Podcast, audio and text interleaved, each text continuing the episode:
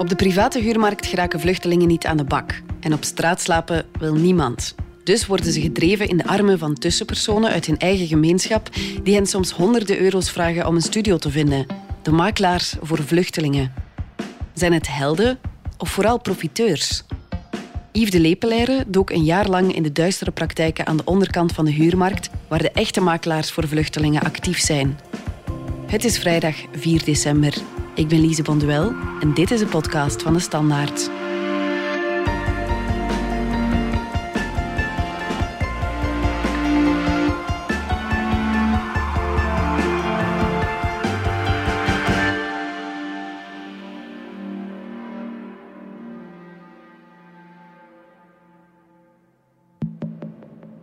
اخوي مرحبا انا كلمتك من فتره وعن- خلاص. قلت لي شفت اعلان لك على مجموعه اسمها بلجيكيون علشان مود على مود شق الأجار. أنا شخص وحيد يعني. موجودة حبيبي هسه الشقة 585 ثلاث اشهر جارانتي شهر إيجار 350 سمسرة مالتي طيب 350 سمسرة. عفوا شلون نعم.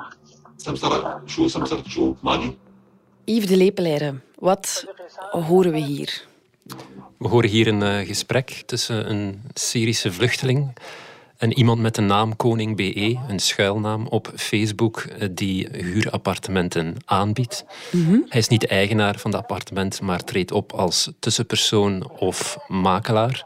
En in dit gesprek horen we hen onderhandelen over de prijs, de makelaarskosten, 350 euro. Oké, en dat is dus een makelaar voor vluchtelingen. Ja, die mensen, die makelaars, dat zijn geen officiële makelaars, maar informele makelaars die aan de onderkant van de huurmarkt vaak optreden als tussenpersoon om vluchtelingen een woning te helpen vinden. En Ja. die mensen, die makelaars, komen ook vaak uit de eigen gemeenschap van de vluchtelingen. Oké, en waarom wou je eigenlijk die wereld in kaart brengen? Wel, voor vluchtelingen is het heel moeilijk om een woning te vinden als ze de asielopvang moeten verlaten. Vaak krijgen ze daar maar twee of hoogstens vier maanden de tijd voor. Op het eerste zicht zou zou je misschien denken van dat is toch wel lang, maar Ja. als je nog geen Nederlands kan en je hebt hier geen enkel sociaal netwerk en je moet op eigen houtje een woning zoeken, dan is dat voor heel veel vluchtelingen vaak een onmogelijke opgave, Ja. omdat zij op die huurmarkt op heel veel drempels stoten. Ze zeggen constant van, kijk, als we naar een IMO-kantoor stappen of rechtstreeks op een eigenaar afstappen, dan maken wij gewoon geen kans, omdat zij ons met een leefloon liever niet zien afkomen. Bovendien is er nog heel veel andere discriminatie natuurlijk op basis van naam en afkomst op de huurmarkt. En die vluchtelingen die hebben dan vaak na lang zoeken, na vruchteloos proberen, geen andere keuze dan tussenpersonen uit de eigen gemeenschap aanspreken, eh, van wie ze weten van kijk, dit zijn makelaars die ons tegen soms een fix bedrag toch aan een woning kunnen helpen. Ja, want je zegt het net, een fix bedrag, dat helpen, ze doen dat natuurlijk niet zomaar. Eh, nee, sommige van die makelaars die vragen daar tot eh, 500 euro voor. En je moet weten, als er verschillende van die grote makelaars soms meerdere appartementen per week aanbieden, omdat zij een groot netwerk van eigenaars hebben opgebouwd, ja, tel dan maar uit, dan verdienen zij daar soms wel heel veel geld mee. Ja, en binnen die kringen, eh, vooral binnen de Arabisch sprekende gemeenschap, gebruiken zij ook daar hun eigen taal voor. Zij spreken over samsara, makelaardij. Samsara is ook het woord dat we in het fragment eh, vaak eh, hebben gehoord. Ja. Samsara. Officieel gebeurt dat ook niet echt, hè? Nee, dat gebeurt allemaal op het grijze en eh, het zwarte segment van de huurmarkt. Hè. Aan de onderkant van de huurmarkt. Je moet weten, makelaar is in principe een beschermd beroep. Je moet daarvoor een erkenning hebben bij de Vereniging van Makelaars. Je mag dat niet zomaar uitoefenen. Ja, en die kunnen eigenlijk vragen wat ze willen. Die kunnen vragen wat ze willen, ja. En eh, meestal worden die afspraken ook mondeling eh, gemaakt via Messenger of via een gesprek via WhatsApp. Er hangt zo'n sfeertje dat die makelaars ook wel weten van we moeten ervoor zorgen dat daar geen sporen van zijn, zwart op wit, dat wij daar geld voor vragen, want zij weten goed genoeg dat ze dat eh, niet mogen doen. Ja, veel vluchtelingen die je hebt gesproken noemen die makelaars dan ook echt een, een noodzakelijk kwaad, hè? Ja, een noodzakelijk kwaad, omdat ze, zij zijn hun laatste reddingsboei vaak om een woning eh, te vinden. Die vluchtelingen beseffen maar al te goed dat die makelaars van hen profiteren, Ja. natuurlijk. Dus eh, een reactie die ik van iemand heb gehoord was, ja, zij zijn profiteurs, maar ze zijn ook helden. Ze bestelen ons zoals de smokkelaars, maar zij zijn ook de enigen die ons helpen. Dus daarom hangt er ook wel veel ambiguïteit in die gemeenschap. Ze willen daar wel over praten, maar liefst anoniem. Want ze willen ook geen slechte reacties vanuit de gemeenschap krijgen. En ze willen natuurlijk ook hun huis of hun woonplek behouden. Ja, het gaat over hun eigen toekomst natuurlijk. Hè. Ja. Was het eigenlijk moeilijk om die makelaars op het spoor te komen? Hoe ben je te werk gegaan? Wel, dit verhaal gaat eigenlijk al terug tot een jaar geleden. Ik heb voor de krant toen een eh, correspondentschap gemaakt over eh, de integratie van de vluchtelingen die in 2015 naar ons land zijn gekomen. Ik heb toen ook verschillende artikels gemaakt over hun eh, zoektocht naar huisvesting. Ik ben toen bij Vlaamse vrijwilligers uh, langs gegaan die hen aan een woning helpen. Ik heb toen vluchtelingen opgespoord die in de klauwen van huisjesmelkers zijn beland. Maar wat mij toen al opviel in de marge van die verhalen was dat verschillende vluchtelingen mij vertelden: ja, maar er is nog een andere belangrijke uh, manier waarop wij aan een woning geraken. En dat is door tussenpersonen grof geld te betalen. Hmm. Zoek dat eens uit. Die hebben mij een aantal namen gegeven die toen al circuleerden, heel bekende makelaars die actief waren. En die hebben mij ook gewezen op heel wat Arabische Facebookgroepen met soms tienduizenden leden in heel België of soms alleen in Antwerpen waar dus constant in het Arabisch advertenties voor huurappartementen worden gepost. Maar al heel snel zie je daar een patroon in terugkomen en zie je dat het altijd dezelfde mensen zijn die meerdere keren per week advertenties posten. Dat zijn vaak mensen die zelf jaren geleden als vluchteling naar ons land zijn gekomen en dus een netwerk hebben opgebouwd. En waarvan je je dus kan afvragen, hoe kan zo iemand in godsnaam zoveel appartementen te huur aanbieden. En doen ze dat met valse profielen? De meesten doen dat met valse profielen. Hè. Zoals ik zei, omdat ze goed genoeg beseffen dat wat ze doen eigenlijk niet oké is. Wat mij ook opviel, Koning BE, het fragment dat we hebben gehoord, mhm. dat is iemand die een valse naam gebruikt. Anderen hebben alleen een roepnaam. Maar wat mij opviel is dat de meeste vluchtelingen ook de echte naam of het telefoonnummer van die makelaar helemaal niet hebben. Mm. Dus toen ik aan mijn onderzoek begon, had ik schuilnamen, valse namen. We hebben die daarom ook gecontacteerd als vluchteling, een beetje undercover, om zeker te zijn dat ze, dat ze geld vroegen voor hun uh, praktijken.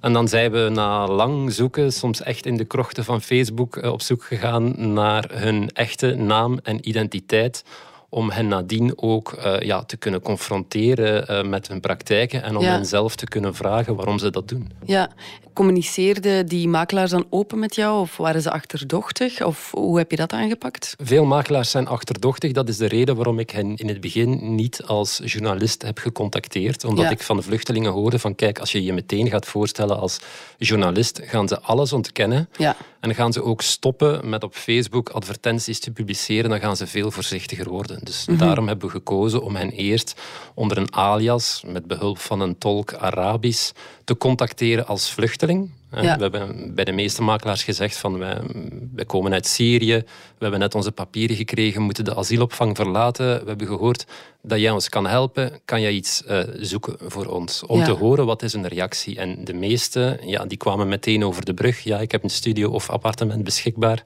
En sommigen begonnen dan zwart op wit op uh, Messenger of aan de telefoon inderdaad meteen te praten over uh, makelaarskosten. Oké.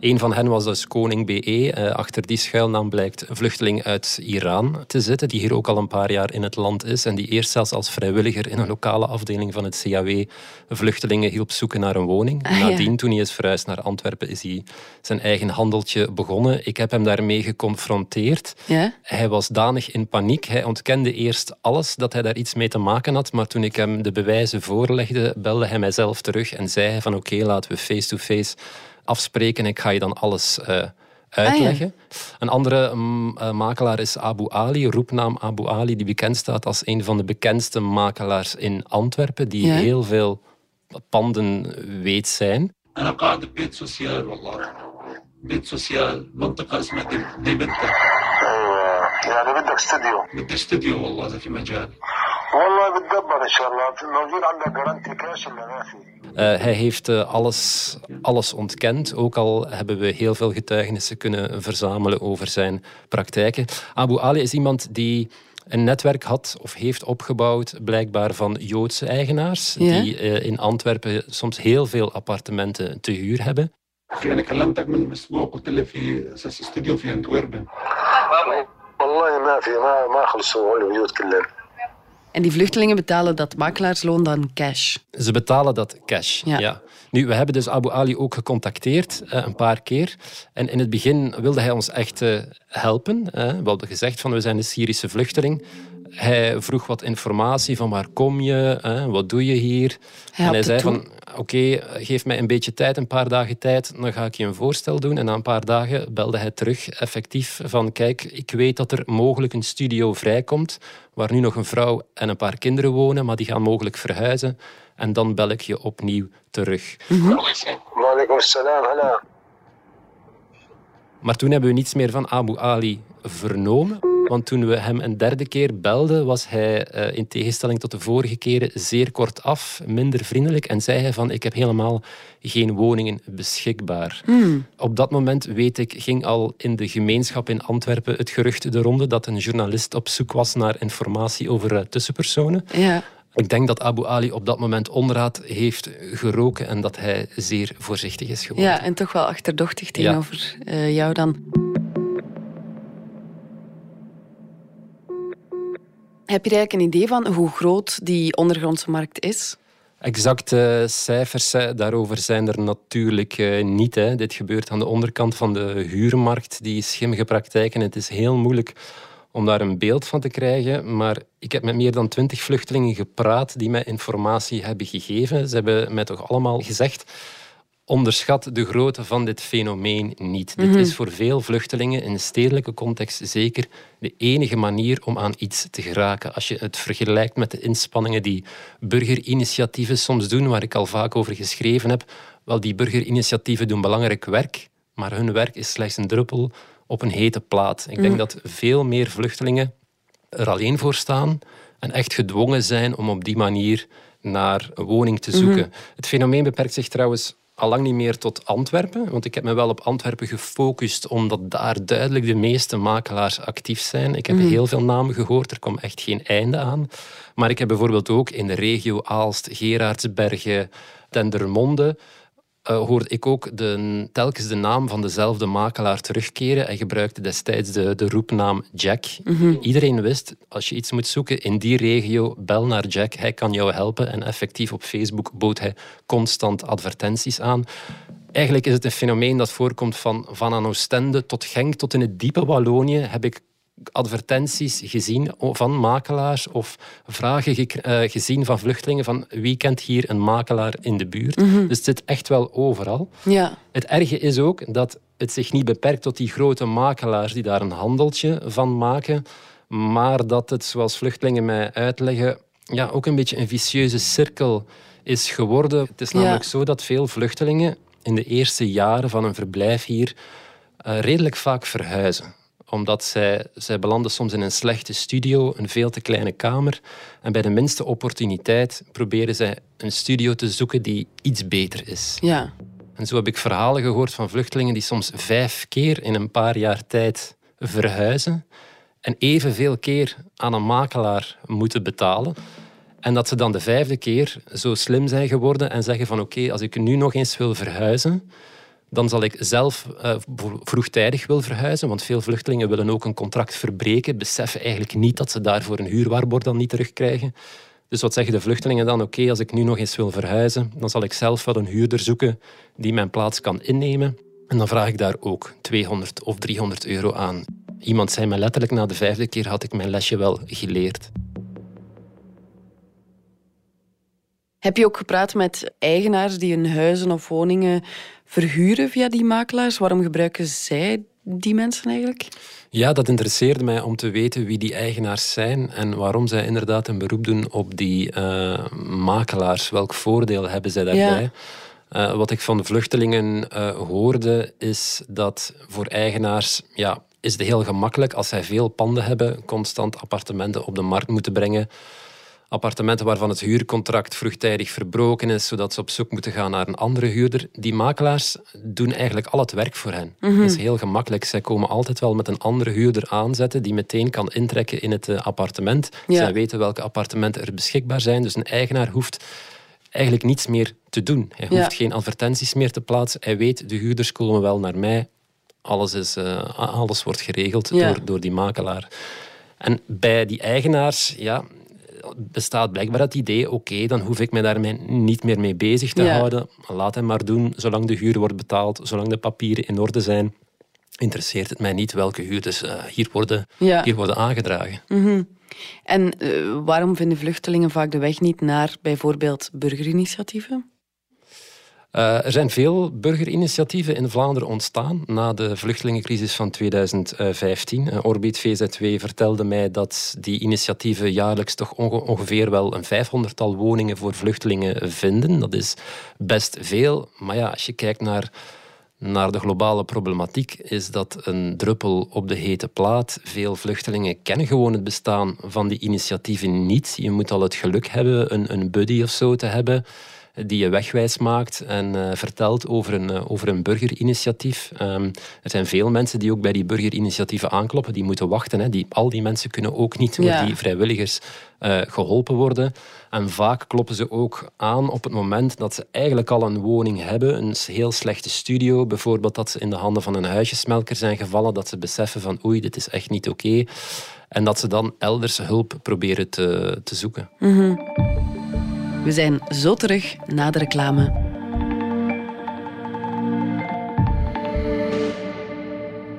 Op het moment dat je je job een beetje beu bent en je bent er een beetje op uitgekeken, weet dat er andere opties zijn.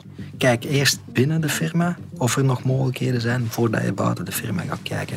En alles beweegt. Een podcast waarin Vlaamse CEO's en prominente HR-managers vertellen hoe ze hun onderneming en werknemers in beweging houden. Beluister de reeks op jouw favoriete podcast-app. VDHB. En alles beweegt.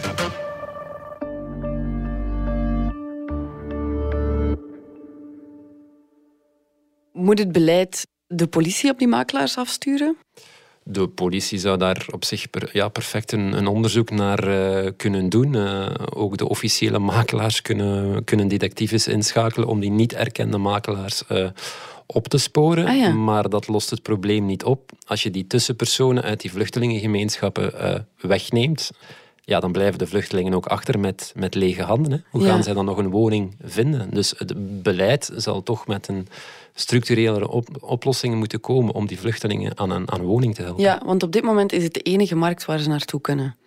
Eh, ja, het is een noodscenario hè, voor, Ja. de, voor de meeste vluchtelingen, omdat er eh, heel weinig beleid rond de integratie van die vluchtelingen op de woonmarkt wordt eh, gevoerd. En wat kan het beleid doen om, om dit te vermijden? Wel, op dit moment is er eh, ge- totaal geen overleg eigenlijk tussen het eh, federale asielbeleid en het Vlaamse integratiebeleid en het woonbeleid. Het begint dus al bij de uitstroom van die vluchtelingen uit de asielcentra. Iedereen zegt al, die met die thematiek bezig is, zegt al jaren: kijk, als je van, van vluchtelingen verwacht dat ze zelf in twee maanden tijd een woning zoeken, dat is gewoon onmogelijk. Ja, Sommige vluchtelingen die stromen uit vanuit een lokaal opvanginitiatief van een gemeente. En daar kan het OCMW hen wel helpen. Dat doen de OCMW's ook. Maar OCMW's, ook zij, verwachten in de eerste plaats dat de vluchteling zelf gaat zoeken op straat naar advertenties en contact opneemt met de eigenaars. Bovendien, die maatschappelijk werkers van OCMW zijn overbevraagd. Ze hebben soms tien vluchtelingen tegelijk die ze moeten helpen zoeken naar een woning. Dus eh, ook, dat, ook dat is een probleem. Ja. En eh, op de woonmarkt dan, de Vlaamse woonmarkt, wordt ook al jaren gezegd dat die huurmarkt, zeker in het goedkope segment, dat die redelijk eh, krap is, ook van, van slechte kwaliteit. Er wordt vaak gezegd, vluchtelingen krijgen een sociale woning. Eh, ook dat is niet waar. De toegang van de vluchtelingen tot de sociale woonmarkt, eh, zeker tot sociale huisvestingsmaatschappijen, is zeer moeilijk. ja. En met het huidige Vlaamse regeerakkoord zal dat nog worden bemoeilijkt, zelfs via sociale verhuurkantoren. Die kunnen een puntensysteem toepassen waardoor dat vluchtelingen nu soms wel snel een, een, een, sociale huurwoning kunnen vinden, maar dat systeem gaat helemaal worden hervormd, waardoor in de sector de vrees bestaat ja, dat vluchtelingen nog langer gaan moeten wachten om een sociale huurwoning te krijgen. Dus als je geen beleid voert om die vluchtelingen te helpen integreren op de private huurmarkt, als je de toegang tot de sociale huurmarkt nog moeilijker maakt, ja, wat rest die vluchtelingen dan? Die informele makelaars contacteren en geld op tafel leggen. Ja. Is dat ook wat je met dit artikel wou bereiken? Even mensen wakker schudden van dit leeft hier wel? Ja, omdat ik eh, denk dat zelfs de beleidsmakers helemaal niet beseffen wat er aan die onderkant van, van de huurmarkt gebeurt. Ik denk niet dat politici op de hoogte zijn dat dit bestaat ja. en dat de omvang van dit probleem zo groot is. Uh, ik weet niet of hier reacties eh, op gaan komen, maar als journalist is natuurlijk je taak om een maatschappelijk probleem in kaart te brengen. Ja. En dan is het aan het beleid om te oordelen of ze, of ze daar iets mee moeten doen of niet. Er is ook een belangrijke rol weggelegd voor de echte makelaars, de officiële makelaars, de IMO-kantoren, waarvan vluchtelingen nu steen en been klagen dat zij bij die IMO-kantoren niet terecht kunnen Mhm. met een leefloon. Zij vangen daar altijd bot. Ja. Dus ja, ik ben ook benieuwd wat, uh, hoe, hoe de makelaars hierop gaan uh, reageren. Ja, ik ook. Uh, bedankt om dit zo helder bloot te leggen. Je kan het hele verhaal dit weekend ook lezen in de Standaard. Yves de Leepleire, bedankt. Graag gedaan. Dit was de podcast van de Standaard. Bedankt voor het luisteren. Wil je reageren? Dat kan via podcast.standaard.be. Alle credits vind je op standaard.be-podcast. Maandag zijn we opnieuw.